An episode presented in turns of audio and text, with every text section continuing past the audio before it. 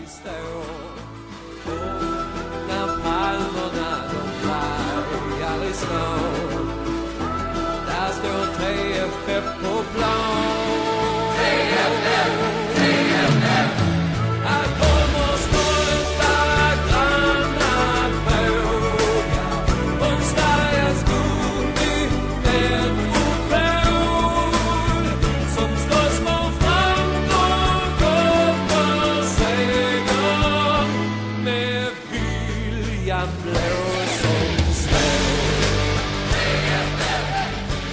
Innan vi drar igång dagens podcast, glöm inte bort att följa oss på sociala medier. Där heter vi Akta Fans Podcast och finns på Instagram och Twitter. Glöm heller inte bort den fantasyliga jag har startat. Eh, ligakod hittar ni på Instagram och Twitter också. I Skåne har fotbollen länge varit stark, med flera framgångsrika klubbar. Och så finns det Trelleborgs FF. En klubb som kämpat i seriesystemet och agerat jojo i Sveriges högsta serier. En klubb så långt söderut man kan komma i Sverige, som spelar på den klassiska Vångavallen, eller som många benämner den, Tjongavallen. Idag ska vi ta reda på om det finns någon substans i det smeknamnet. Vi pratar om hur det egentligen är att heja på ett lag som ingen riktigt förväntar sig något av. Vi pratar om när man efter flera tunga år kämpat sig tillbaka till finrummet och på övertid lyckas kriga till sig en vinst mot MFF på hemmaplan. Vi pratar om hur man slutar femma i Allsvenskan 2010 för att sedan året efter trilla ur. Det finns många fördomar om Trelleborgs FF och idag ska vi se om dessa stämmer eller inte. Välkommen till Äkta Fans Podcast, Sebastian. Tack så mycket. Hur är läget med dig? Jo, men det är bra tack. Det är mycket bra. Snart ledighet så det är man väldigt tacksam för så man kan ladda inför premiären som väntar.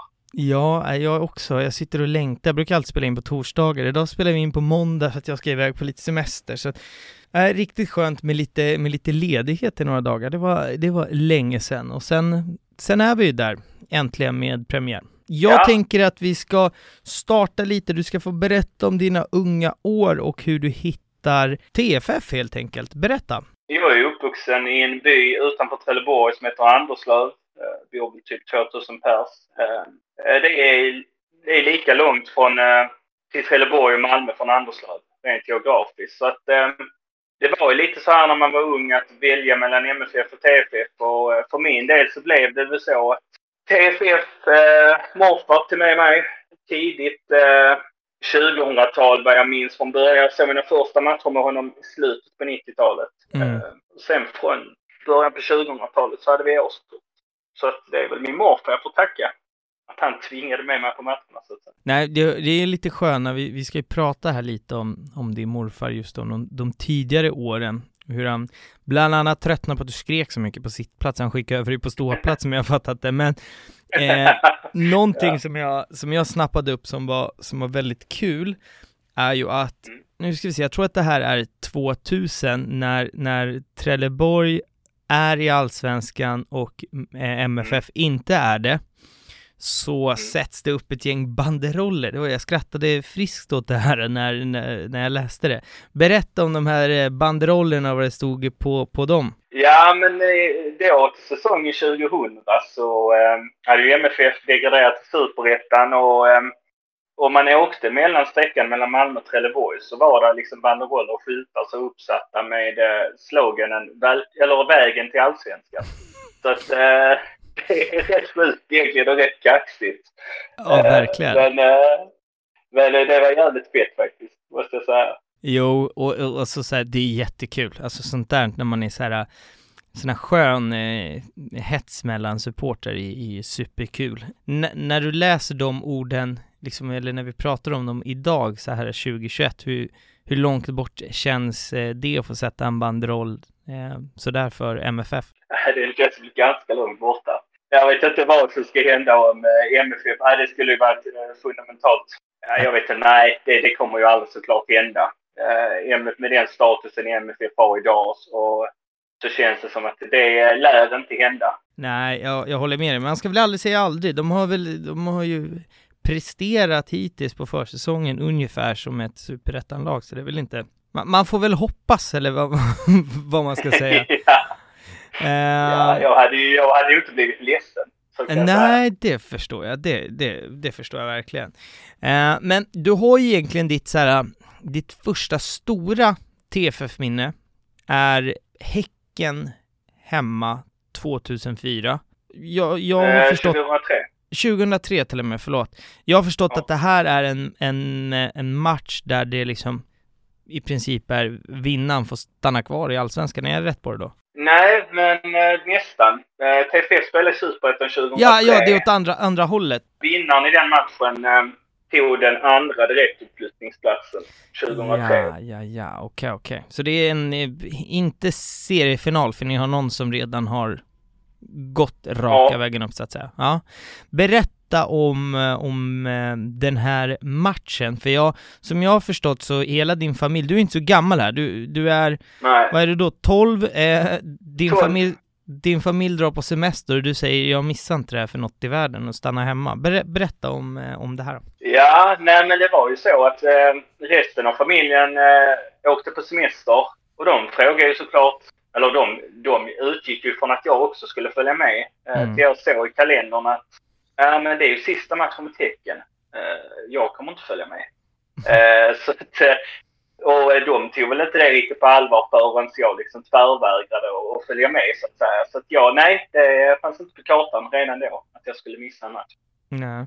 Du går ju med din, din morfar här äh, på matcherna. Är ni, är ni på denna matchen tillsammans eller berätta om den här, äh, om matchen och den, den upplevelsen liksom. Jo, men det var ju med morfar liksom. Det var vår, vår grej. Eh, lite grann få ensamtid med sin morfar när man var i den åldern var rätt så kul. Eh, han var lika fotbollsintresserad som, som jag var. Eh, Så att, eh, nej, vi hade liksom så här, vi åkte dit, en, så vi var där ungefär en 45 minuter innan och kollade alltid uppvärmning och så här och kollade igenom laguppställningar och men just den här matchen var ju liksom för min del nog den absolut största jag hade varit på då. Så vi vet så det är så mycket publik annars på Vångavallen och jag tyckte ju det var sjukt mycket folk liksom. Och jag minns liksom min morsa ringde och frågade, ja men är det bra? Är det bra med er? Är du på matchen nu? Ja, det är vi. Ja, fullsatt. Men Mm. idag kanske bara så här, ja, det var 3000 pers liksom. Mm. Del så tyckte jag liksom att det var enormt fett på den tiden liksom. Ja, fattar. Eh, eh, Så att, eh, nej, det får man väl ändå säga är liksom, och sen framförallt att TFF vann. Mm.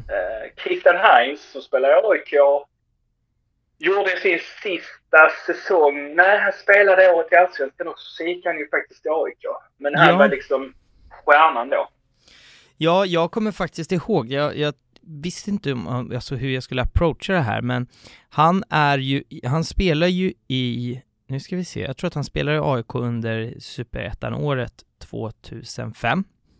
Ganska övertygad om detta för att min pappa på denna tid var ju ordförande i Black Army, eller om han var vice ordförande då, och sen det var alltså, supporterna var ju lagom glada på, på liksom AIK som fotbollsklubb att de hade åkt ut, så att alla nyförvärven fick komma till Black Armys medlemslokal och liksom så här, ja men du vet, eh, stå där och vara lite halvnervös och fick aktiva supportrar liksom berätta det här är kravbilden på er. Och då vet jag att han var, han var där, så jag stötte på honom, vad var jag då?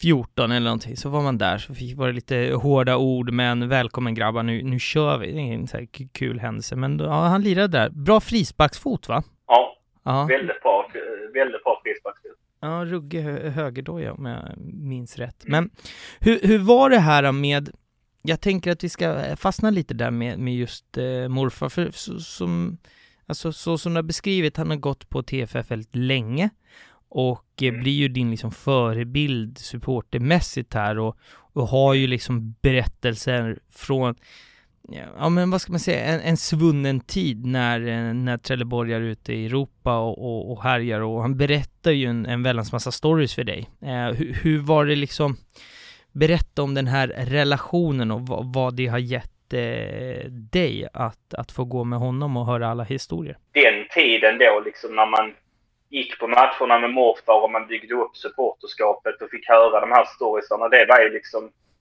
det var ju favoritdelen på veckan liksom när man visste att man skulle på hemmamatch och hänga med honom och, och som lite så här nyvunnen TFF-are där liksom i början så visste man ju inte så mycket och när han berättade om Blackburn-matcherna, om Lazio-matcherna och gamla profiler och sånt här så så växte ju intresset och internet fanns ju inte på samma tid då så att man, man liksom så här, man tog ju till sig allt han berättade. Så eh, nej, han har ju absolut en jättestor del i att intresset för TFF verkligen liksom blir större och större. Och det vet vi allihopa. Höra så här gamla skrönor om spelare och sånt här. Eh, det är ju sjukt roligt även idag liksom. Men Ah, ja. eh, nej, det, nej, det var sjukt kul. Eh, Mm. Fortfarande än idag liksom, så kan vi sitta och prata lite liksom, om Benny Mårtensson och Mm. ja, men liksom Rantanes mål och nej, det är, det är sjukt kul. Vi får skicka en, eh, tror vi att han lyssnar på, på det här avsnittet? Det tror jag definitivt han kommer att göra. Då hälsar vi så, så gott eh, till honom här tycker jag. Eh, och, och Ja. det som händer här, ni, har ju årskort tillsammans, ni har då Mm. årskort på, på sittplats.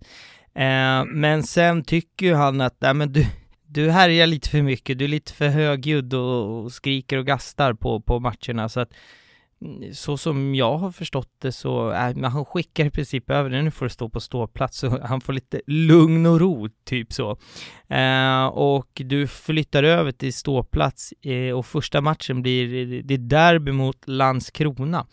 Först och främst berätta hur var känslan att få kliva in på, på ståplats och vilka liksom, skillnader gjorde det i ditt supporterskap? Nej, men det, ja, alltså det stämmer ju. Morfar han tröttnade. Han tyckte att jag hördes för mycket och eh, han eh, tillhör väl inte den eh, gruppen av människor som gör så mycket ljud ifrån. Så utan han var ju mer där för att bevittna fotboll och sen när jag satt och skrek och så här så satt han nog mest och skämdes ibland. Men, eh, men han, han tyckte nog inte det var så jättekul. Men nej, men sen så sa han liksom bara att nej, men du borde stå borta med dem och och så här, där passar du bättre, sa han. Så att, när man sagt och gjort mot Landskrona så tog jag med mig en polare och eh, ställde mig där. Jag hade väl inte så jättemycket förväntningar så. Eh, det var ju sjukt annorlunda att stå på en kortsida för första början. Liksom, så det, det var helt annorlunda. Man hade haft en mycket bättre by liksom, från sittplats vi Mm. Men, men det var liksom en atmosfär som helt annorlunda. Alltså, det kändes redan från första gången när vi stod där liksom att jag hade handlat där jag skulle. Det var liksom menat att jag skulle vara på ståplats liksom och få härja och leva ut liksom. Så eh, det blev ju sen resultatet. Vi slår dem med 5-0. och det Jag tänkte liksom- precis säga det. Det skadade väl inte ditt supporterskap att ni vinner första matchen du står på ståplats och vinner ett derby med 5-0. Det, det gör inte det dåligt för, för ditt, liksom, eh, ditt klackande liksom. Nej, det kan jag väl säga att det var väl en, eh, kunde väl inte blivit en bättre start så att säga. Så att, eh, nej, alltså efter det så fick man liksom, precis som man kan få blodad tand och mycket annat, så var liksom, det fanns liksom inget annat efter det.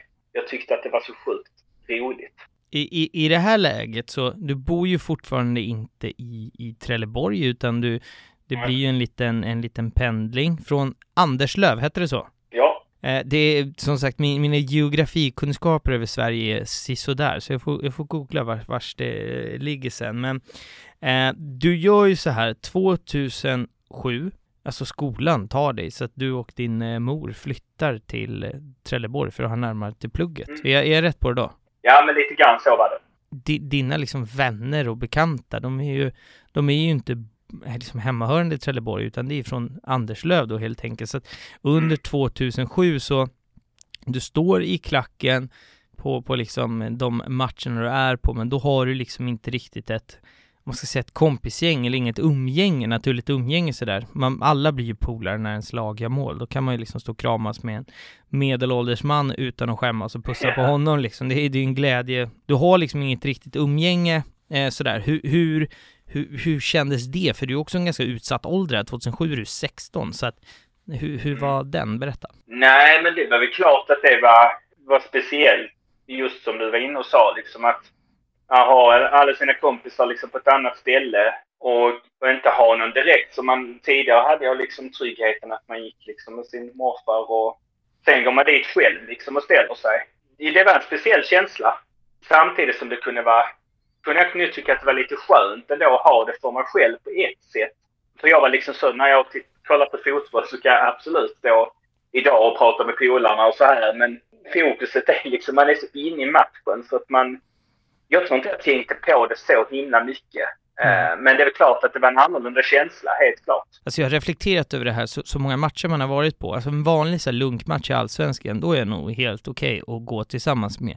Men tar man en viktig match, till exempel ett derby, jag är helt, jag, alltså, jag kan gå dit med 20 polare, jag pratar inte med någon. Jag är helt inne i det, helt i min egen värld och sen står jag bakom läktaren i minst 20 minuter per match för jag är så jävla nervös och hjärtat klarar inte av det.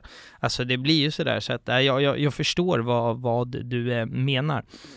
Eh, 2008 ja men du drar iväg på första bortamatchen. Vi kommer ta den här bortamatchen, sen har vi ju samlat ett gäng bortamatcher i away day som kommer betydligt eh, senare i programmet. Men eh, berätta lite om hur det var att för första gången sätta sig i en eh, bortaresebuss och berätta om den dagen och matchen. Ja, men det var väl absolut lite speciellt.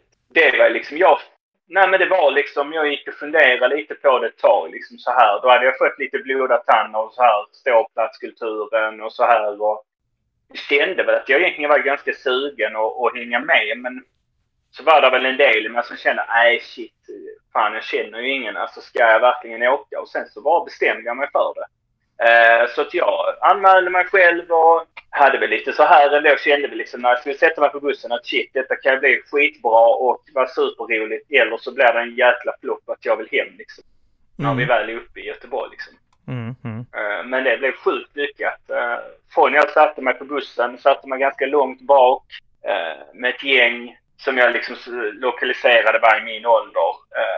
Efter en stund så satt jag liksom och lyssnade in lite och de frågade lite grann om mig och så här så hade jag lyckats få med mig några vers liksom där eh, eh, och frågade om de ville ha och sen så var liksom det eh, de var lika gamla som mig så då var det liksom öppet mål och vi drack ett par öl och hade sjukt kul liksom i bussen. Man satt och pratade om mycket annat än fotboll och ja, vad fan som hände annars i livet liksom. Mm. Och eh, sen när vi kom upp till arenan hade liksom inte besökt mer än liksom, Sve- inte Swedbank Stadium utan eh, Malmös gamla arena. Jo, Malmö Ma- Stadion. Malmö stadion, precis. ja exakt, var- exakt. Precis, varit där inne liksom. Det var din enda bortamatch som jag hade varit på tidigare. Liksom. Komma upp till Ullevi som är enormt liksom och se TFF på bortaplan liksom. Ja, det var sjukt mäktigt. Minns liksom det när spelarna kom in och presenterades och vi var liksom 30 pers som jublade och resten av arenan liksom tittade lite konstigt liksom på oss liksom och shit. Ja, där står de och är allt annat än nyktra och eh, rätt så taggade. Och så är det alltid liksom. Även om vi inte är så många så är alla alltid sjukt taggade. Och hade jag liksom inte bestämt mig helt och hållet för att bli ståplatssupporter innan det så efter den matchen så var det så att ah, det här är det bästa som finns. Ja. Eh, så det blev sjukt lyckat. Ja, intressant. Och vi kommer ju komma in på ett gäng eh, roliga eh, bortamatcher till sen helt enkelt. Men under de här åren, om man ska säga, du, du benämner dig själv som så här 08, eh, alltså ja, 08 till 2010. Här pikar ju liksom klacken runt TFF. Mm. Berätta om hur, hur det såg ut då. Ja, alltså det, det ja, nej, men definitivt. Eh, de åren så eh, gick det sportsligt ganska bra. Man gick upp 2007, gjorde en säsong som inte var speciellt bra. Men det var ju den säsongen där ett lag bara åkte ur allsvenskan. Eh, Just det. För att man skulle utöka, ja man skulle utöka ligan med ett lag eller två lag från 14 till 16. Just det. Så att BP åkte ur det året. Annars hade vi ju åkte ur annars vi kom näst sist. Men eh, sen 08 där så hände det någonting. Det blev lite bättre. Tom Prahl kom in. Och det började komma fler och fler från min generation och ställa sig i klacken. Och till och med ett litet gäng från Malmö som hade föräldrar och vänner och sånt som var från Trelleborg som, eh, som kom dit och ställde sig och de bidrog med något nytt. Eh, var ganska duktiga på tifo och och nej, det växte liksom hela tiden. Man märkte från match efter match att det blev fler som ställde sig i klacken och efter säsongen 08 där så kände man shit, det här håller ju verkligen på att bli riktigt bra. Mm. Även om man hörde från motståndarsupportrar liksom att nej, de har ingen klack, ja, det är inget tryck liksom. Så, så märkte man när man kollade tv-bilder och sånt här sen 09, shit, alltså det var rätt jämnt på läktaren. Mm. Eh, Alltså så här, många lag, kanske inte då AIK och MFF och de här, men alltså andra lag som var jämbördiga liksom där. eh, gjorde vi riktigt, riktigt bra insatser på läktaren. Ja, det var ett jäkla drag. Jag vet ett derby mot MFF när vi mötte dem, att det var helt sjukt drag. Jättemycket folk som anmälde sig till bortaresan. Ja, det var helt galet vilket drag det var och då kändes det liksom som att kanske med en fräschare nya arena där vi hade kunnat bygga på trycket ännu mer så hade det kanske fortsatt. Sen så var det liksom 2010 gör man en fantastisk säsong och på hösten där då vinner man och vinner och vinner och vinner. Man förlorar Vi, vi kommer matcher. komma dit och hoppa lite, eh, lite, eller vi, vi, ska, vi kan egentligen, alltså, vi tar det med en gång, vad fan, vi stuvar om lite. Berätta, kulmen på det här är ju att ni, ni, ni går eh, eh, väldigt bra. Ni slutar femma i Allsvenskan här. Ja, man... Eh, säsongen 2010 så inleder man svagt.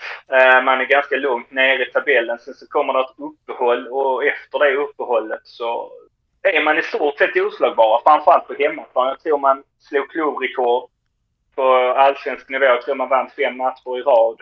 Och man märker att folk kommer. Liksom, det kommer fler och fler. Det är, man märker verkligen att den här medgången gör att det kommer fler och ställer sig. Och den säsongen är ju en sån säsong både på läktaren och sportsligt. Liksom, det är ju det absolut häftigaste jag har upplevt. Mm. att, ja, framförallt den hösten 2010. Alltså det kändes som vi var...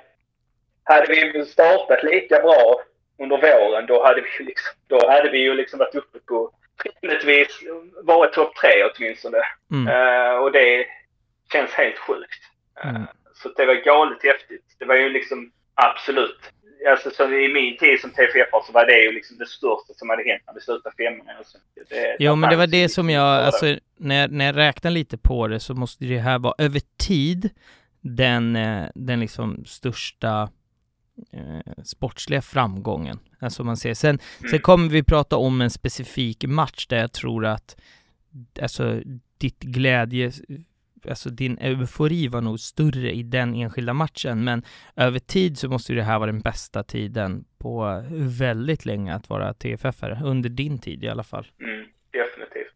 Och jag vill ställa en liten fråga här också, alltså Mm. det intressanta för när, när jag började gå på fotboll så då, då var ju, om man kollat på AIK mot Trelleborg hur mycket som helst när man var yngre och alltså sen har ju de varit lite jojo som sagt men något som har varit lite så här genomgående är att jag vet inte om det här är Stockholms raljant men man, man förväntar sig inte så speciellt mycket av, av TFF och hur är det att liksom vara supporter till ett lag där om man, om man ser brett över fotbollssverige där ingen förväntar sig liksom stordåd av klubben. Hur, hur är den känslan? Nej men den stämmer ju och det känner man ju ofta också att det, jag, tror, jag tror att jag har alltid tyckt att det har varit en ganska skön känsla. För att det är rätt så skönt att knäppa folk på näsan eh, när man väntar sig att nej men de kommer inte kunna hävda sig i Allsvenskan och skulle de göra det så kommer de ju absolut kanske max klara liksom kontraktet. Och de säsongerna där det faktiskt har gått rätt så bra i Allsvenskan så har man ju känt att shit, vi gör ju någonting som ingen har förväntat sig. Den känslan är ganska skön. Sen ibland så är det klart att man kan känna att mm, ni så att säga, ni har nog rätt dålig koll på hur, hur bra TFF är. Framförallt de åren där 08 till 10. Där man faktiskt hade ett jäkligt bra lag om man Mm. tittar på pappret liksom att det är ganska bra lag, alltså ett ganska bra lag man ställer upp med. Många spelare som var jäkligt duktiga individuellt. Ehm, Vi kommer komma Men, in på en jag- specifik här direkt efter sen också, så att ja. Eh, nej men jag, jag, jag, det, jag vill bolla upp det så här för att jag tycker att det är intressant och alltså jag till exempel, jag kan, jag kan bara jämföra med mig själv och jag hejar på AIK och det spelar ingen roll om vi har allsvenskans sämsta trupp så förväntar sig alla supportrar att vi ska vinna guld ändå. Alltså så. Det är den atmosfären som finns Mm. runt klubben vilket kan bli jag, jag gillar den här hybrisen men det blir tröttsamt också där så här, vinner man inte alla matcher så ska alla avgå. Det måste ju finnas någon slags harmoni i att de, de presterar ju aldrig under förväntan utan det, man får bara, det blir positivt när man presterar över förväntan. Alltså förstår du hur jag menar? Mm. Jo men definitivt. Och det, jag tror att både klubben och vi supportrar någonstans har bara liksom funnit och sett att det faktiskt är så. Och jag tror att det kanske har gynnat det är skett många gånger också. Att man eh, har inte haft några förväntningar på sig. Eh, från medialt och supporterhåll och så här och kunnat jobba ostört. Eh, och ser man då på skillnad som en klubb som AIK så, så är ju som du säger pressen enorm. Eh, den pressen finns ju inte alls på samma sätt i Trelleborg. Så är det ju. Och jag tänker att vi ska studsa vidare. Du nämnde lite så här, under de här åren så finns det ju individuellt jätteskickliga skickliga spelare. Och vi ska ta upp en specifik person som, som jag har förstått som du har en, en liksom bra relation med. Vi har en tidigare gäst ifrån Sundsvall avsnittet, tillika Twitter-geniet eh, Johan Martinsson.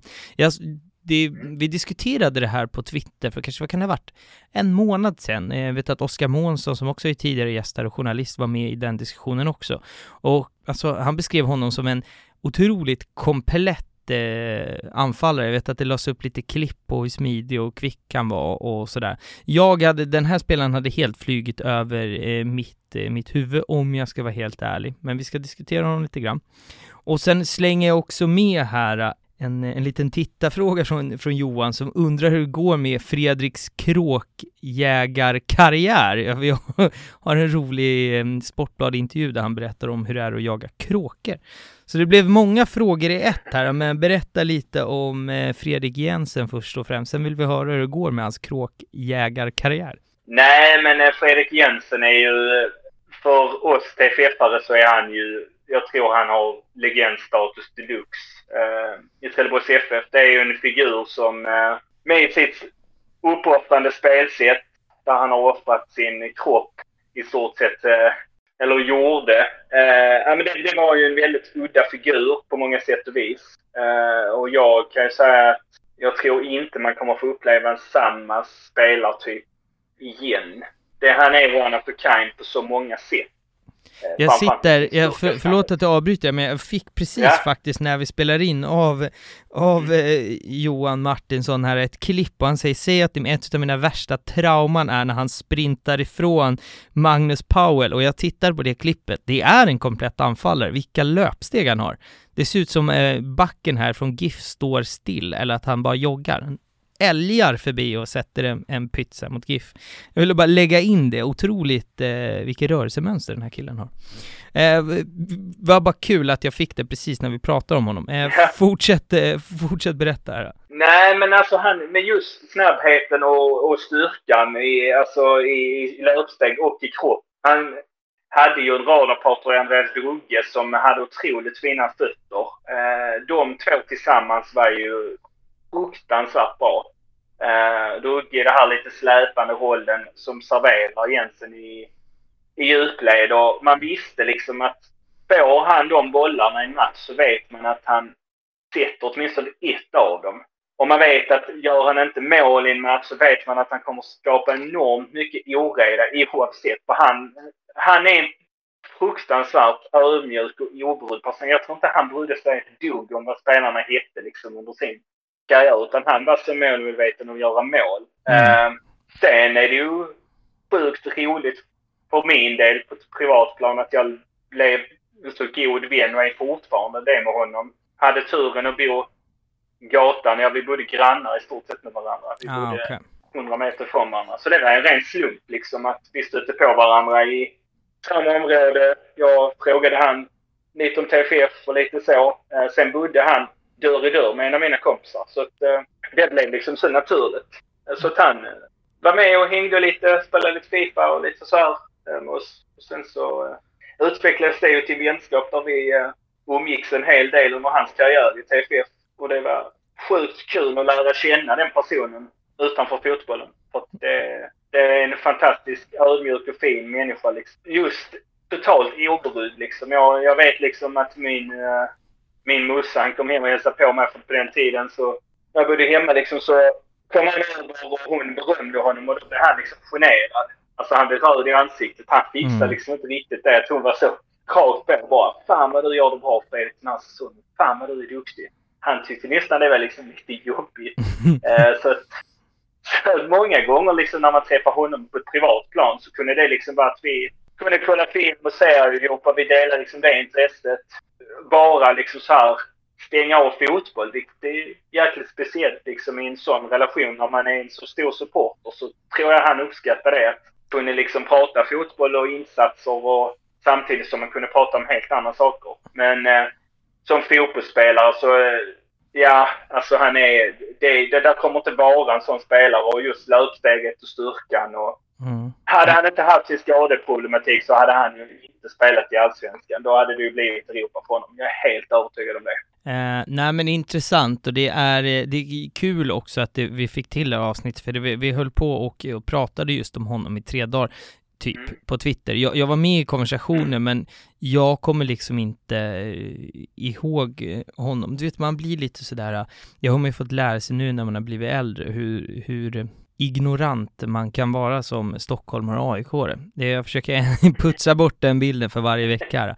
Har vi någonting eh, om hans, eh, för liksom eh, lyssnarnas skull, de som var med i alla fall, det var ett jäkla gäng. Har vi något på hans eh, jaga kråkor-karriär? Har du någonting där? Nej, alltså jag har faktiskt inte riktigt, alltså jag, eh, tyvärr så har jag nog inte någon uppdatering kring det. Jag vet att han gör det. Jag har faktiskt inte pratat någonting eh, med honom om just det.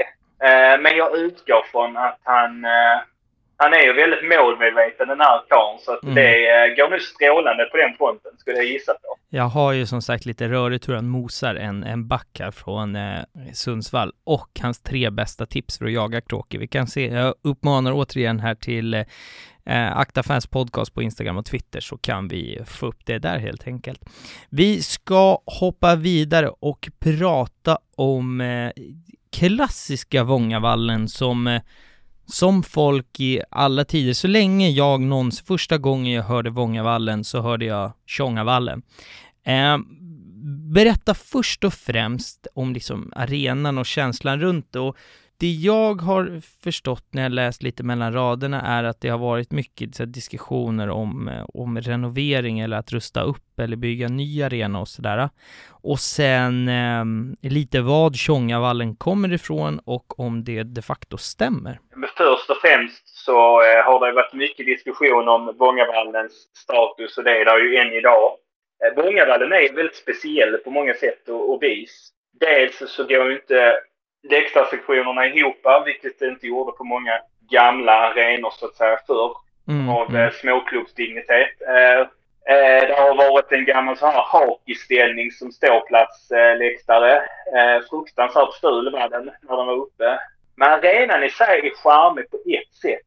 Framförallt har det varit oerhört svårt för eh, motståndarna komma dit med vind och så vidare. Det blåser som tusan i Trelleborg Just alltid. det, så- det är det som är grejen med den här arenan också, att det alltid Mm, blåser som mm. djävulen på den här arenan, eller hur? Mm, ja, men definitivt. Eh, det finns ju inte en dag här i Trelleborg där det inte blåser. Eh, det, det, det Deppigt det lät. förekommer liksom inte. Det är liksom så här, blåser det mycket eller lite? Eh, så att, eh, nej, så att just vinden och så här, det vet man ju själv liksom att den, den påverkar. Sen är ju liksom, går man i katakomberna så är det ju sjukt slitet. Man tycker, jag vet jag har bytt om där någon gång när jag har spelat fotboll. Där luktar lite mögel i omklädningsrummen och det, det är liksom, det är jävligt slitet. Alltså det är slitet överallt liksom. Mm. Så det har varit mycket diskussion liksom om, om man ska bygga ny arena och under den tiden där kring 2010 så var det liksom i stort sett ett beslut att det skulle komma en ny arena. Eh, Man tjafsade om var den skulle ligga och om det skulle ligga en tågstation vid arenan. För vid den här tiden fanns det inga tåg till Trelleborg. Eh, Mm, okej. och eh, det var liksom en diskussion på eh, kommunalt håll liksom var, om man skulle, var man skulle lägga den. Eh, och det blev mycket tjafs och sen så degraderades man och då la man bara de planerna på isen. Okej. Kan det vara så då, Tjongavallen, att man slår mycket långt på grund av att, att man har vinden med sig, typ? Kan det ha att göra med det, eller har det att göra med att så här, man tycker att Trelleborg har spelat tråkig fotboll, eller vad, vad kommer det ifrån? eh, nej men jag, jag har ju alltid kunnat så här, störa mig lite grann på det. Bara så här Tjongavallen och så, så här, det, det känns ju väldigt negativt laddat. Mm. Framförallt i de här tonåren så kunde jag bli ganska irriterad och vara så här.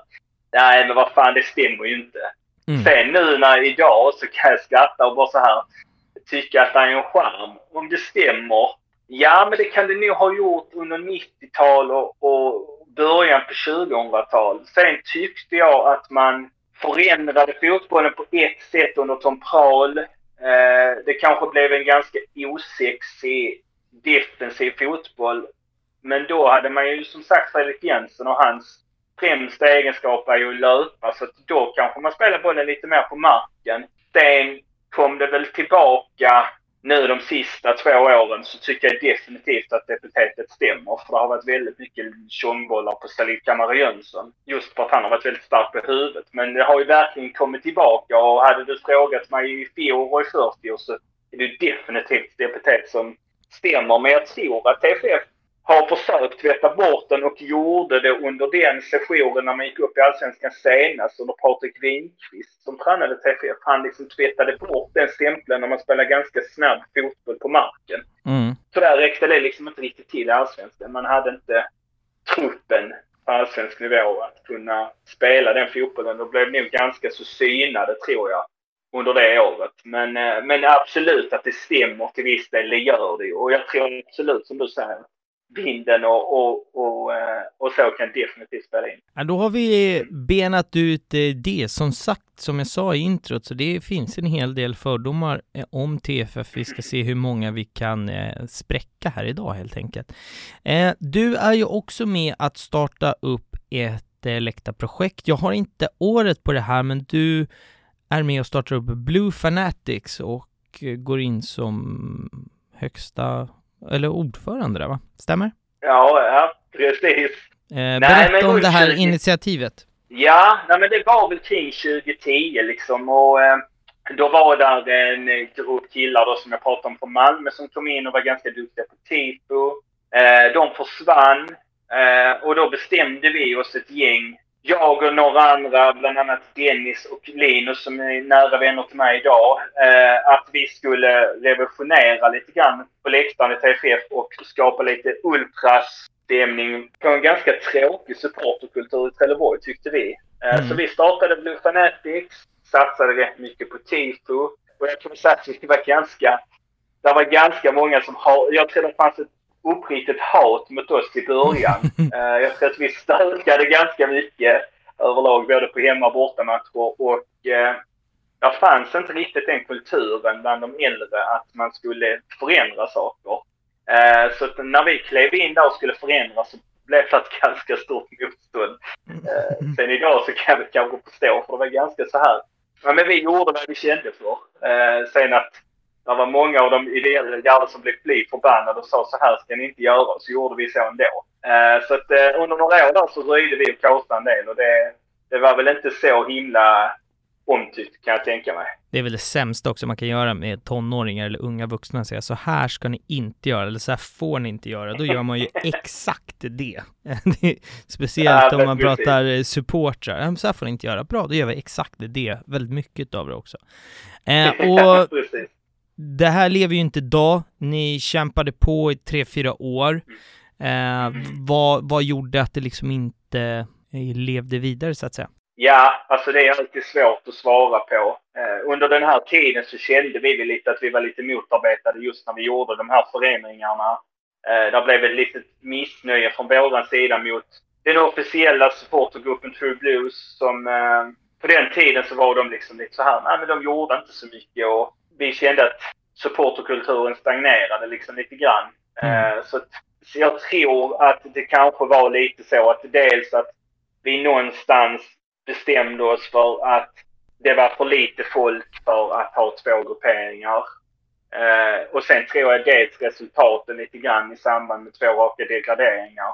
Mm, vi kommer man, komma in eh, på det där precis yeah. efter också. Det är, det är inga mm. roliga år som ni eh, som ni drar igång och ska hålla det här levande? Nej, men precis. Jag tror det har väl lite, det har väl liksom med de två sakerna att göra. Eh, ni slutar femma 2010. 2011 går ni dåligt. Ni trillar ner i superettan. Då tänker man ju så här att ja, men vi var allsvenska, vi slutade femma, nu hade vi ett dåligt år. Nu två, inför 2012 så, ja men nu tar vi klivet upp. Det slutar med en avgörande match mot Eh, Degerfors. Ni behöver ta tre poäng för att hålla er kvar i Superettan. Berätta om eh, den dagen. Jag vet att det inte är superkul att prata om kanske, men det blir intressant content om inte annat. Ja, nej men just, just eh, året där innan 2011 så kände väl jag på ett personligt plan att när det började gå dåligt så kände jag att det var nog ganska många spelare vars brintid hade slocknat. Man behöll en ganska stor del av truppen 2011, men det höll liksom inte i Allsvenskan. Och inför säsongen 2012 där trodde man att nej, men nu vi ska vara med och fightas. Mm. Eh, och det blev en tuff säsong och man var liksom i botten precis ovanför strecket hela säsongen. Eh, så inför den här matchen mot Degerfors så eh, var det ganska nervöst liksom inför matchen. Vi eh, träffades hemma hos en kompis och festade ju till rätt rejält. Så när vi kom till arenan så var man ganska lugn för att man hade rätt mycket innanför västen så att säga. Och matchen börjar liksom ganska trevande. Det händer inte jättemycket. Och sen efter en halvtimme ungefär så gör ju Degerfors 1-0. Och då känner man lite grann att luften går ur både oss på ståplats och spelarna. De hade inte kraften till att mobilisera. Skapar egentligen aldrig något riktigt tryck under matchen och i slutskedet så gör de 0-2. Och då inser man liksom att för första gången i ens liv som supporter så kommer TFF inte tillhöra elitfotbollen längre. Och det är Nej, det var sjukt tufft faktiskt. Nej, det, det förstår jag och när man, när man tror, när man kliver in i en säsong och tror att nu ska vi upp, men det blir istället åt andra hållet. Den är eh, otroligt tuff och då är ni nere i division 1, vilket är ett, eh, alltså division 1 är ett jäkla mörkt hål att trilla ner i för att det är en serie som är Sveriges tredje högsta men det finns inga pengar, det finns inga sponsorer, inga tv-pengar. Det är, det är den svåraste liksom serien att, att eh, flyga i liksom. Och botten, alltså om man tänker så här. Ni, ni ska möta det otroliga publik och monsterlaget eh, Limhamn Bunkeflo och eh, missar att liksom vinna den matchen. Det, det beskriver ganska mycket hur, hur mörkt det, det, är under en tid. Och, och så där fortsätter det i några säsonger. Vi har mycket, det är liksom division 1 och hanka sig runt där nere. Och det här leder oss faktiskt in på veckans första segment som är rätt eller snett. Och det är ju ett påstående som jag har så är det upp till dig att bedöma om jag är rätt eller snett på det. Och veckans låter så här. Efter så många tunga år har ni slutat jämföra er med HIF och MFF och liknande klubbar och prestigen ligger idag mot andra klubbar såsom Landskrona till exempel. Rätt eller snett? Nej, men det stämmer nog. Det, du är nog rätt inne på det där. Just under de här åren i division 1 så, så blir det ju att man känner ju för varje säsong som går och man harvar i division 1 så känner man ju själv att vi är ju så långt ifrån och kunna konkurrera med varken Helsingborg eller Malmö. Och det var ganska deppigt när man kände att shit, vi är nu kanske till och med sämre än Landskrona nu. Mm. Uh, det är en ganska tuff verklighet. För det är så mycket prestige i Skåne. Även om det, man kanske uttalat tror att det bara är Malmö FF och Helsingborg som jämför med varandra, med varandra så är det liksom så här där bakom och eh, framförallt bakom MFF så finns det liksom att man vill gärna vara åtminstone tvåa idag bakom Malmö FF. Ehm, men där och då absolut så var det ju så att då kände man att vi måste vi vara bättre än Landskrona. Annars är det riktigt, riktigt illa. Så att det stämmer. Så ser det ut hela vägen fram till 2015. Då hittar man äntligen lite glädje. Man ska åka till eh, Helsingborg och som jag förstår det här, vinner man i Helsingborg så, så går man upp igen till superettan. Och vilket ni gör, då gör Salif Kamara Jönsson fyra mål. Jag vet att det var för några avsnitt, jo när vi spelade in Färjestadsavsnittet så, så sa jag, jag skojade lite på Twitter och på Instagram om att jag sa fem plus alldeles för många gånger i den, eh, men det här är, om vi bara tar det här namnet, det här riktigt jävla fem plus namn eh, för övrigt. Och jag, som jag har förstått så är han väldigt, väldigt stor hos er och eh, är det så att han är lagkapten idag till och med? Vem är det du tänker på? Salif Kamara Jönsson. Jag, det här bara, jag kollade snabbt, snabbt, snabbt inför. Jag vet inte om det är gamla. Det, han stod uppskriven som kapten, men det är Wikipedia, så jag vet inte om jag litar på, på det. Eh, nej, alltså Salif slutade eh, inför eh, denna säsongen som kom, eh, eller som kommer nu, är hans första år som sportchef. Ah, okay. Eh, han avslutade karriären i fjol, eh, men han är ju definitivt ett namn som... Eh, hans intåg i föreningen är ju definitivt en sån påverkan som har varit otroligt positiv. Nej men då är rädd, jag gissade på att det var gamla uppgifter på, på Wikipedia, men jag tror han stod uppskriven som lagkapten där. Eh, och, och då är ni ju tillbaka egentligen upp i, i, i superettan och nu får man ju lite skjuts in i liksom, nu är, blåser det ju positiva vindar. Eh, 2016 går man bra. Eh, man slutar trea och det väntas kval mot eh, J Södra. Eh, hemmamatchen så styr ni upp ett snyggt tifo. Eh, ni eh, vinner med 2-0 och Eh, det väntas bortamatch i Jönköping och håller ni undan där så är ni tillbaka i allsvenskan helt enkelt. Och det här leder ju oss, som ni kanske förstår, in på dagens away days. Uh, och vi börjar med J Södra borta 2016. Jag gissar på att det är en otroligt uh, glad och stor dag. Berätta om den bortamatchen. Ja, shit. Uh, ja, nej, men just som du var inne på. Vinst i första kvalmatchen där mot uh, Södra hemma. Tankarna inför precis dagarna innan var ju liksom shit, vi har verkligen chansen. Eh, och det var verkligen en sån sak man kände inför, inför kvalet. Att shit, har vi chansen efter hemmamatchen och, och shit vad sjuk bortamatchen kommer att bli och hur många kommer vi bli? Och vi blev ju tre bussar och eh, många som körde så man visste redan från start att det skulle bli ett rätt så bra drag eh, på läktaren och eh, man var liksom uppumpad till det. Redan, det. redan dagarna innan kände man shit, alltså det här kan liksom bli något riktigt, riktigt stort. Eh, så när man satte sig i bussen så var det ju en otrolig förväntan. Eh, samtidigt som man kände under hela vägen upp att den här kanske lätta känslan som man kan ha ibland när man åker på en vanlig bortaresa där det tuggas ganska mycket och man pikar varandra och så här. Det var ganska spänd känsla i bussen. Eh, alla satt och pratade och så här men man visste att det var något stort som väntade. Eh, så så det var liksom eh, fram till vi kommer kommer fram till Jönköping och, och kliver av bussen och kommer in på Larrys där vi ska ladda upp inför matchen så är det ganska mycket anspänning i kroppen. Eh, när man väl kommer in där och de som har kört i Jönköping sitter och börjar sjunga ramsor så här, då känner man hur allting släpper och eh, man känner bara fan vad detta ska bli roligt. Känslan inför matchen var väldigt bra. Eh, jag kände att gör vi bara ett mål så kan ingenting stoppa oss idag. Uh, och vi pratade, jag och Dennis, som jag uh, brukar åka på bortamatcher med. Mm. Han, vi pratade lite om ett scenario som är ett drömscenario. Då säger jag att ja, men kan Trelleborg göra ett mål innan halv, halvtid och gärna precis innan så, så hade det varit drömmen. För då kommer vi knäcka dem helt och hållet. Så att eh, efter att ha laddat upp några timmar så var man ju i bra form eh, till att eh, Ja, men till att göra 90 minuter på läktaren.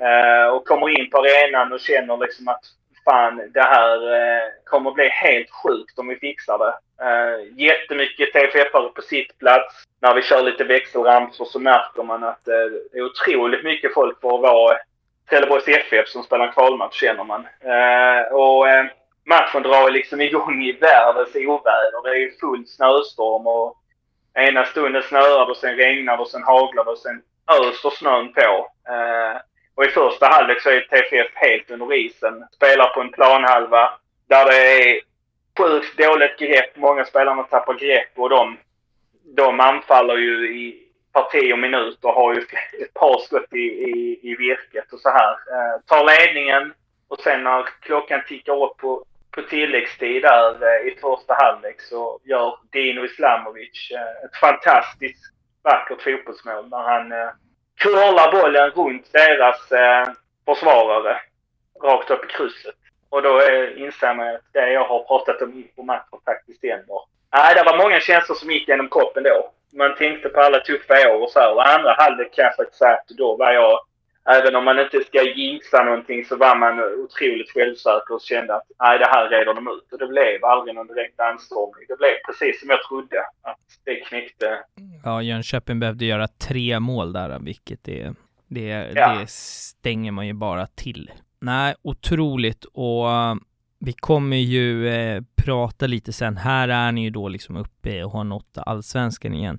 Vi kommer efter Away Days prata eh, lite om, eh, om, om det året också, en speciell eh, match där. Eh, Men otroligt fin, eh, fin berättelse om eh, återtåget till, eh, till eh, allsvenskan. Jag kan tänka mig bara att det fälldes någon tår, va? Ja, men det gjorde det. Och jag har ju fått lite gliringar av, det, av eh, kompisar så här i efterhand. För att eh, jag försökte ta mig in på planen eh, efter eh, matchen, blev stoppad och eh, stod och eh, var ganska förbannad under kanske två, tre minuter för att jag inte blev insläppt. För mina kompisar de insåg ganska snabbt om vi springer runt hörnet så kom, och klättrar från sittplats in så kommer vi in på planen. Så att medan jag stod och tjafsade med någon publik där så traskade de in på planen. Ehm, så att jag, så jag minns ju liksom det första minuterna efter var jag ganska lack för jag ville ju in liksom och krama om Salif och Christian och, och spelarna. Men jag kom inte in och sen så efter det så ringer min kära mor upp och frågar hur det är och då eh, efter att ha fällt tårar när vi degraderades till division 1 så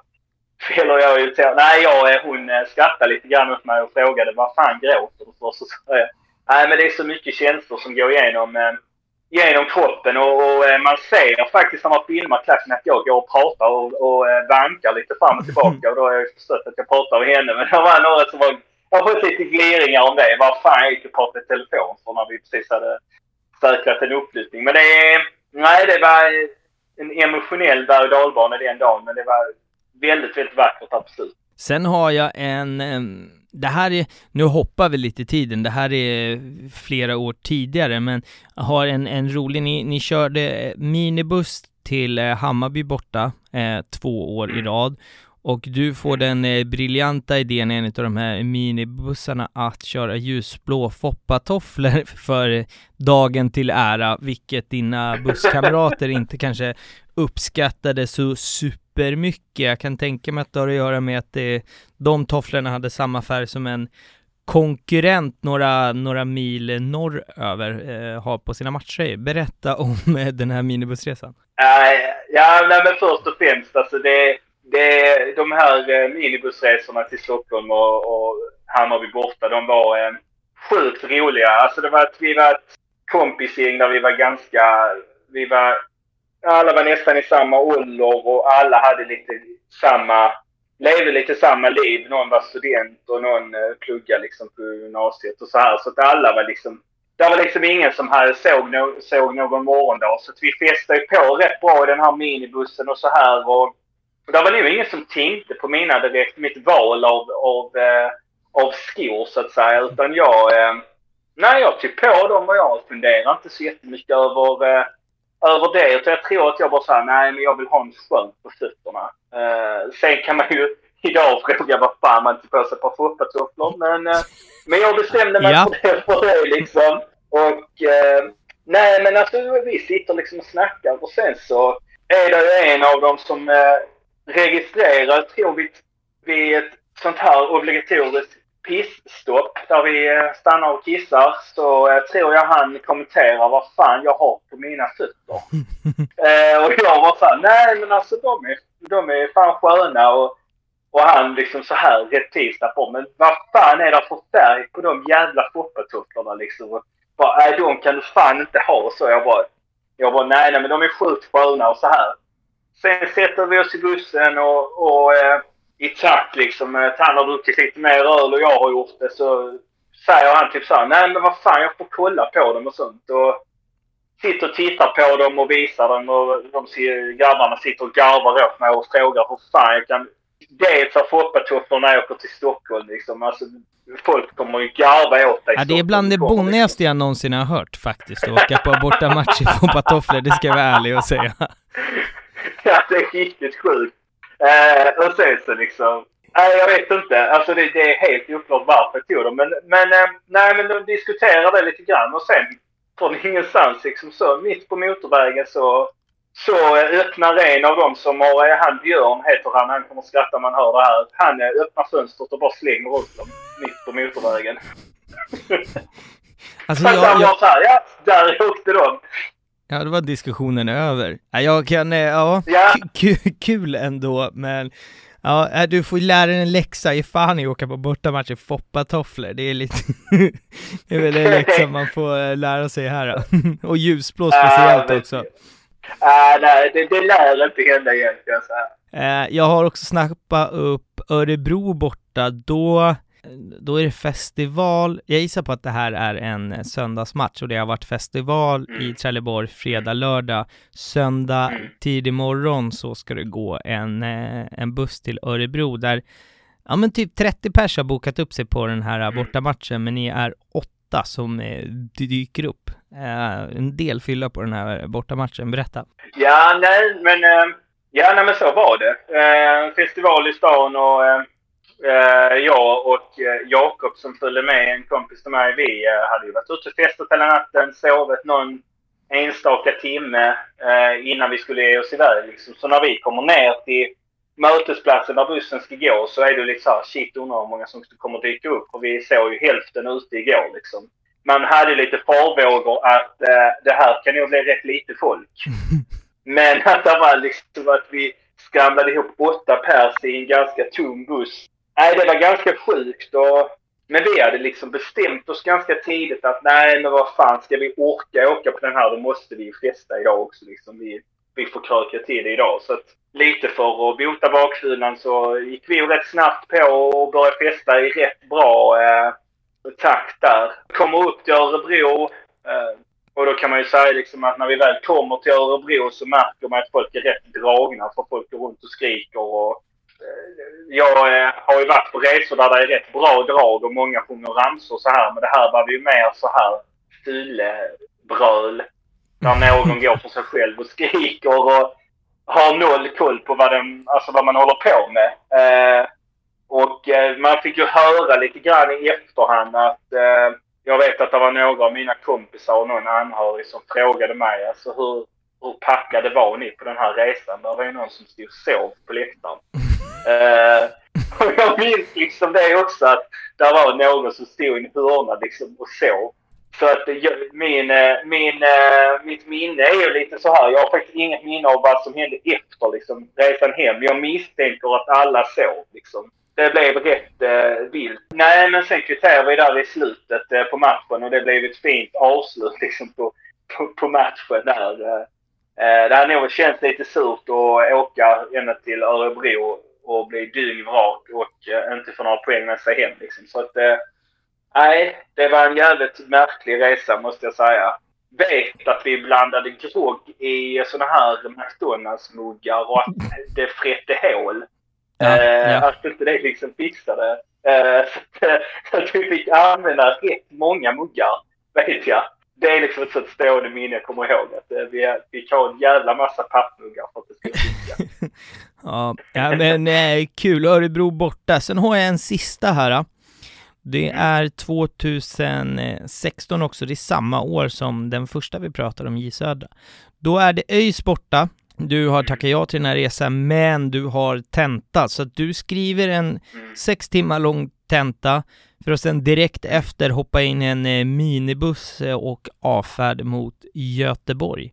Eh, I den här, dels så, du kan ju berätta, ni, ni stannar och pissar någonstans och grejer kastade på dig, berätta om det.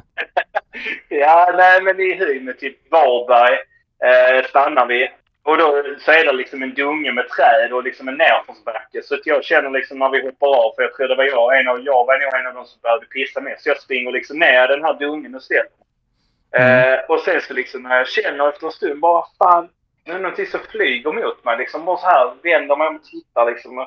Sen liksom efter går det liksom några sekunder till. Sen bara haglar det massa äpple bakifrån mot mig. Så jag får liksom stå och pissa och ducka och försöka freda mig mot de här mot den här äppleattacken som kommer liksom. Eh, och trillar liksom i den här nerförsbacken och bara har jättesvårt att ta mig upp igen eh, efter jag har trillat där. Eh, och när jag kommer upp så står ju de andra resenärerna har ju hittat en jävla hög med äpplen och har ju bestämt sig såklart för att eh, kasta dem på mig när jag har ställt mig där. Så att eh, det är jävligt sjukt faktiskt. Och sen kom, åker ni in mot, eh, ni kommer in i Göteborg, där är det trafikstockning. Och Mm. eh, din polare utmanar er lite grann här, berätta om det. Nej, men eh, det blir, eh, det blir ju eh, ett stopp rätt länge och vi sitter liksom och lyssnar på musik och då, då är det en Henrik eh, Tegnér heter han, eh, jävla skön lirare. Han, eh, nej men han hetsar mig lite grann så här för att jag sitter liksom och dansar och diggar lite till någon låt. Så han bara, nej men vad fan kan du inte gå ut och dansa och sånt? Det kommer att vara stopp här skitlänge. Så jag hoppar liksom ut ur minibussen och står och dansar. Framförallt till dem, de som står bakom och de kollar liksom så här skitkonstigt på mig precis som jag är dum i huvudet. Som gör det liksom och jag bara, nej men vad fan, kör, ravar loss rätt hårt. Sitter med bussen igen eh, och då kommer han ju på den briljanta idén liksom att fan kan du inte ta av dig tröjan och göra dig bara över? Och då är det lite så jag bara, nej alltså jag bara, nej jag vet inte. Han bara, jo men vad fan. Eh, eh, jag bjuder på allting på puben sen om du, om du gör det. Kom igen nu och sånt. Jag bara, och jag bara såhär, men vad fan, Johan vi kör. Så jag eh, stiger ut igen och de tittar skitkonstigt på mig när jag kliver ut igen och liksom tar av mig min tröja och kör loss där. Och eh, tror faktiskt att eh, han som satt bakom satt och virrade lite på huvudet och undrade vad fan de höll på med. Eh, Ja, han fattar säkert inte att ni är på bortamatch, han tror bara att det är någon Nej, som är lite nej. dum i huvudet i bilen framför liksom. Ja, men precis. Jag, eh, och jag kör liksom där ett bra, eh, en bra stund och sen så liksom när i slutet på min dans så känner jag fan alltså det här är ju inte riktigt bra. Tänk om trafiken börjar rulla på och sånt. Vad fan gör jag då? Och precis då när jag så typ funderar på det så börjar ju trafiken lite rulla liksom så här. Och han som kör minibussen han var ju en av de som var mest framträdande i Kasta Äpple liksom. Han, är, han älskar att trigga folk och så här. Mm. Så han börjar ju köra.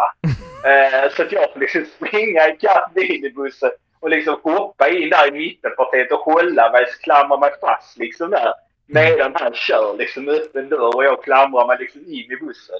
Det var väl tur att det inte var någon snut eh, som såg det för de, här- då hade vi nog eh, fått lite problem känns det som. Men, eh, men eh, nej, det var riktigt sjukt. Jag eh, undrar om, om passageraren som satt bakom lyssnade på det här så lär han nog minnas det, för det hade nog jag fan gjort alltså. Jag hade nog tänkt vilken sjuk människa alltså. Nej men intressant, vi, vi ehm, hoppar därmed ifrån away days för dagen och vi kommer ju in här lite på 2017. Ni har tagit er upp i allsvenskan. Det, så här, det här året ni trillar ut i, igen. Det går tungt. Men eh, det finns en match här. Eh, eh det, det vankas match mot, eh, mot MFF. Det är ju trots allt en lokal rival eh, som man liksom, men det, det finns ju en tydlig rivalitet här. Eh. Berätta om den här matchen. Ni, eh, det står 0-0, klockan tickar. Vad händer? Ja, nej men det, alltså först och främst hade det ju varit en, eh, man hade ju laddat för matchen länge liksom och, och inför matchen så kände man att shit, en poäng, eh, kan vi knipa det så är det en vinst liksom. Och, och matchen står liksom och väger hela matchen. MFF har något läge liksom precis innan där Mark Johansson, målvakt i TFF, då gör en tavla och släpper en boll som han tror ska gå över målet damper, dimper ner i, på mållinjen via ribban. Eh, men då är man liksom mest glad att shit, vi har fortfarande 0-0. Eh, så att när det tickar upp med tilläggstid där så, eh, så känner man att fan, kan vi inte döda så mycket tid vi kan med en fast situation nu? Försöka få ner dem med turflaggan och ja, bara spela av tid. Eh, men istället slår man ett inlägg som är väldigt bra där Fredrik Andersson i MFF gör en fantomräddning och returen studsar ju rakt ut till eh, Nasse Nilsson som bara, ja han forcerar med och bara in bollen i mål. Eh, jag minns att jag tittade mot eh, assisterande om han har flaggan uppe för jag var mest rädd för det. Så jag vågar inte riktigt fira. Där, där, där är nog fördröjningstid på 2-3 sekunder för jag tittar direkt mot, eh, mot ett assisterande om han har flaggan nere och det har han. Och sen, eh, ja, det är svårt att förklara. Alltså det är, jag tror det är också en sån där alla känslor genom alla tuffa år har gått liksom. Att man har varit nere i division 1 och mött Motala och och Trollhättan och, och varit så långt ifrån den här matchen innan. Och att man framförallt slår Malmö FF idag med, med deras ekonomi och deras status. Mm. Eh, jag höll på att riva, jag, det är faktiskt ett YouTube-klipp på mig när jag håller på att riva en sån här kartbeställning så är jag uppe på den. Jag ligger ovanpå en av mina kompisar och, och drar i den här kartbeställningen. Det ser helt sinnessjukt ut. Uh, jag, det är faktiskt rätt många av mina kompisar som har frågat vad jag håller på med och jag tror att uh, det kommer man nog aldrig få något riktigt svar på. Utan det var, uh, nej det var helt sinnessjukt. Vi Det- kan det också, så vi tar upp det för diskussion också på, på Instagram och Twitter så lägger vi upp rörligt på det där. Eh, kan ju bli en, en, kul också. Eh, och det, det som är intressant är, många har ju lite så skämtsamt kallat eh, TFF för liksom MFFs farmaklubb och, och, och sådär. Hur, hur om, om man tar det påståendet, eh, finns det någon, eh, alltså, finns det någon sanning i det och hur känns, hur känns det när man, när man ser Malmö som liksom ändå en rival och sen sitter folk och säger att det är, att man är farmaklubb liksom, hur, hur tas det emot? Nej men överlag så är det ju så här att ståndpunkten som TFF är att vi... Jag tror att man... Ska man plocka in och spelare från MFF så... Eh, man har ju en historia, har gjort det tidigare under 90-tal eh, där man plockade lite så här ikoner från MFF som var på väg neråt. Eh, men som fortfarande var duktiga fotbollsspelare. Mm. Eh, under min tid har det mer varit att man har plockat unga spelare som inte har fått chansen i MFF. Sen har de kommit hit, inte visat så mycket kärlek till TFF. Jag har mest känt att man har varit här för att man ska spela fotboll och man skiter i TFF för att man ska tillbaka till MFF på ett eller annat sätt. Och det har skapat irritation och jag tror att de här spelarna har känt av det för att det är en sån enorm kravbild från supporterhåll om man plockar in en spelare från Malmö att de då måste vara så mycket bättre än alla de andra för annars så ska, har de fan inte här att göra. Typ. Eh, och under Patrik Wikqvists tid 2017 så plockade man in väldigt mycket spelare från MFF. Man eh, lånade in Erik Andersson bland annat. Man eh, plockade lite så här spelare som inte fick chansen i MFF. Eh, en del var bättre än andra. Eh, Mm. Vissa var riktigt usla. Sen så växte det ju fram från experthåll och från medialt håll att man var en farmarklubb och det, det provocerar nog, provocerar och provocerade. Det är, det, Tjongavallen, det kan jag skratta liksom och garva åt. Men farmarklubb till MFF, det är, nej, det är nog mer en tagg i hjärtat. Det känns inte bra och det är absolut ingenting jag vill att TFF överhuvudtaget ska förknippas alltså, med överhuvudtaget om jag ska vara helt ärlig. Ja, men det, det kan jag förstå, men jag ville också bolla upp den för att jag förstår att det är liksom en, en tagg i sidan sådär, men det finns ju någonstans också e, e, ett, ett, faktum i det att, eh, att det har funnits spelare som har tagit den vägen och man vill ju när man har en, en vi säger en yngre talang från, ja, men som är uppväxt i Malmö så kanske man inte vill flytta till andra sidan landet utan det är ju geografiskt ganska snällt då att flytta dem kanske en division ner och inte allt för långt hemifrån för en, vad vet jag, 18-19-årig anfallare, så det är väl ganska rimligt. Eh, du, du är ju mer rutinerad poddare än vad, vad jag är. Du har ju eh, Palmpodden, där du bara pratar eh. TFF. Berätta lite om eh, hur länge du har hållit på och var och varför och, och sådär. Eh, nej, men det stämmer. Jag och Dennis Wedman, min eh, kompanjon, vi eh, poddar tillsammans sedan förra säsongen faktiskt. Vi är inne på vårt andra år nu. Anledningen till att vi startade upp det var väl lite grann för att dels ge alla TFF-are en, eh, en ny kanal. Att få lite ny, nyheter och lite så här Nej, men lite snack innanför murarna. Jag har skapat mig en rätt så bra bank av eh, källor och så vidare. Har väl känt i några år att fan, det hade varit kul att podda och, och i, på något sätt och funderat lite grann över vad det skulle vara. Pratat liksom mycket om tysk fotboll som är intresserad av. Att shit, det hade varit kul att gjort något där. Sen blev det så självklart med TFF. Eh, så att jag bestämde mig från början själv att köra och intervjua gäster. Sen så växte det fram då med Dennis eftersom vi diskuterar fotboll så, och TFF så mycket. Så kom han in, har ju lite eldigare sidan vad jag har. Eh, så att vi kompletterar varandra väldigt bra. Och i takt med att man har sett att det är är människor som lyssnar och man får höra eh, bra feedback eh, från andra supportrar och sånt här som tycker att det är skitkul så blev det självklart att köra vidare. Så att eh, det känns som att eh, ja, det är riktigt kul faktiskt, känner jag. Mm. Nej men vad härligt, det är ju kul att podda, det är mycket arbete också, det ska gudarna Mm. veta. Det är inte superlätt att gnugga ut ett, ett avsnitt i, i veckan, det tar, det tar sin eh, tid. Eh, du har ju också jobbat, eh, eller jobbat, eller jobbar runt eh, damernas matcher. Vad, vad Mm. har du för arbetsuppgifter där? Eh, nej, men det var en gammal kollega till mig som jobbar för damerna eh, och frågade om jag skulle kunna tänka mig bli lite intresserad och hjälpa till lite så här med någon match var jag speaker, någon match har jag jobbat och stått i kiosken och, och så här. Och TFF är en väldigt familjär klubb på många sätt och vis. Uh, så att jag tyckte det var ganska kul. Det var ju framförallt nu, det startade ju nu med, i samband med Corona så det har inte varit så mycket publik på matcherna men det har varit kul att få se livefotboll och, och fått uppleva det. Så att det var väl mer så här lite goodwill och, och framförallt kul att uh, TFF liksom har ståndpunkten att göra det lika professionellt arrangerat för herrar som damer. Och Mm. eh, måste faktiskt verkligen säga att de verkligen lever upp till det också.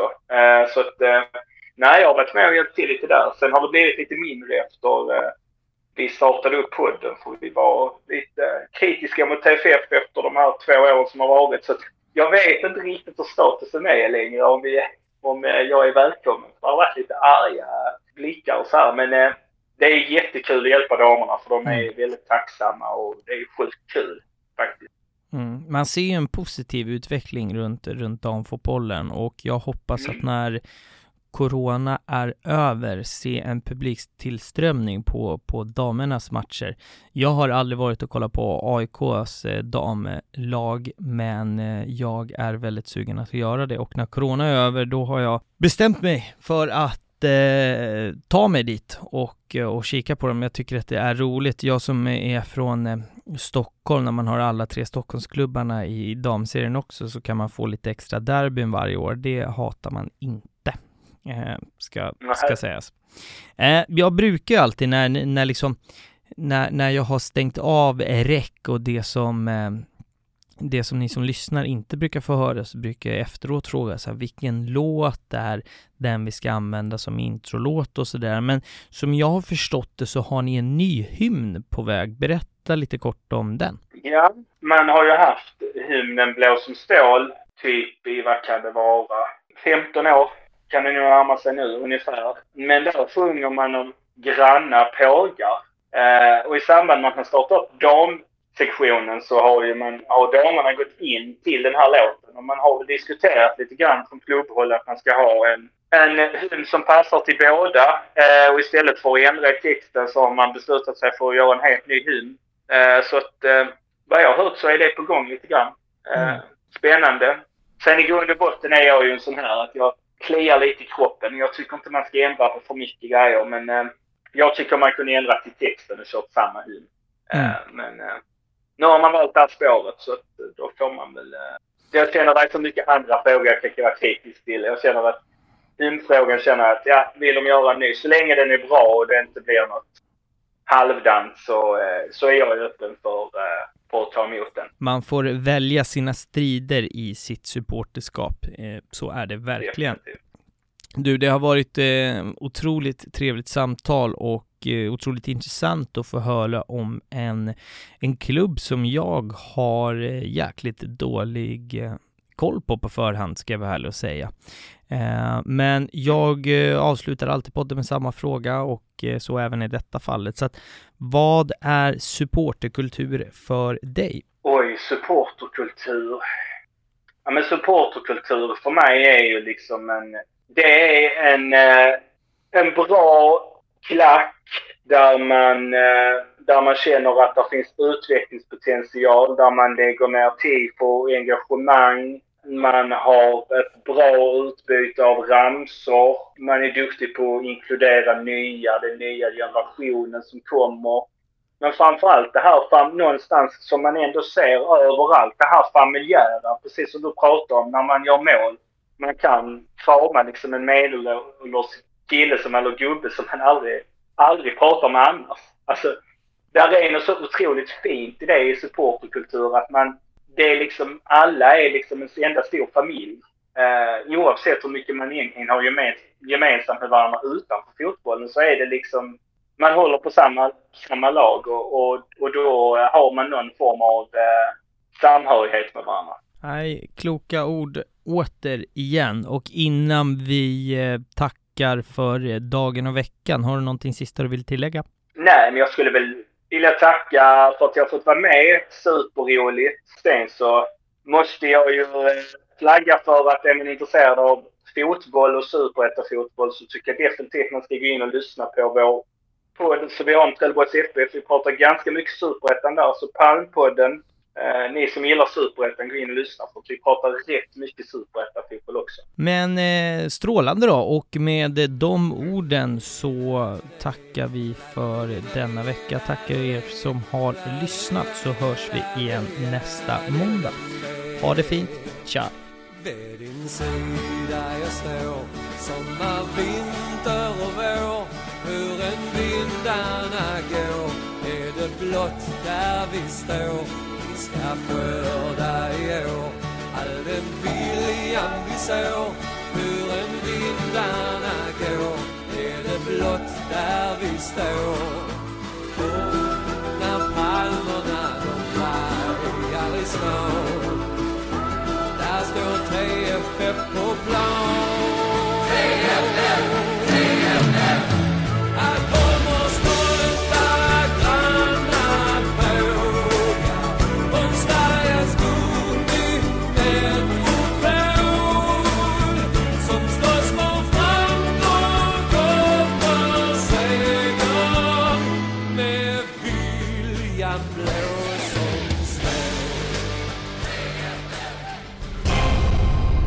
Samarbete med Esen Studio.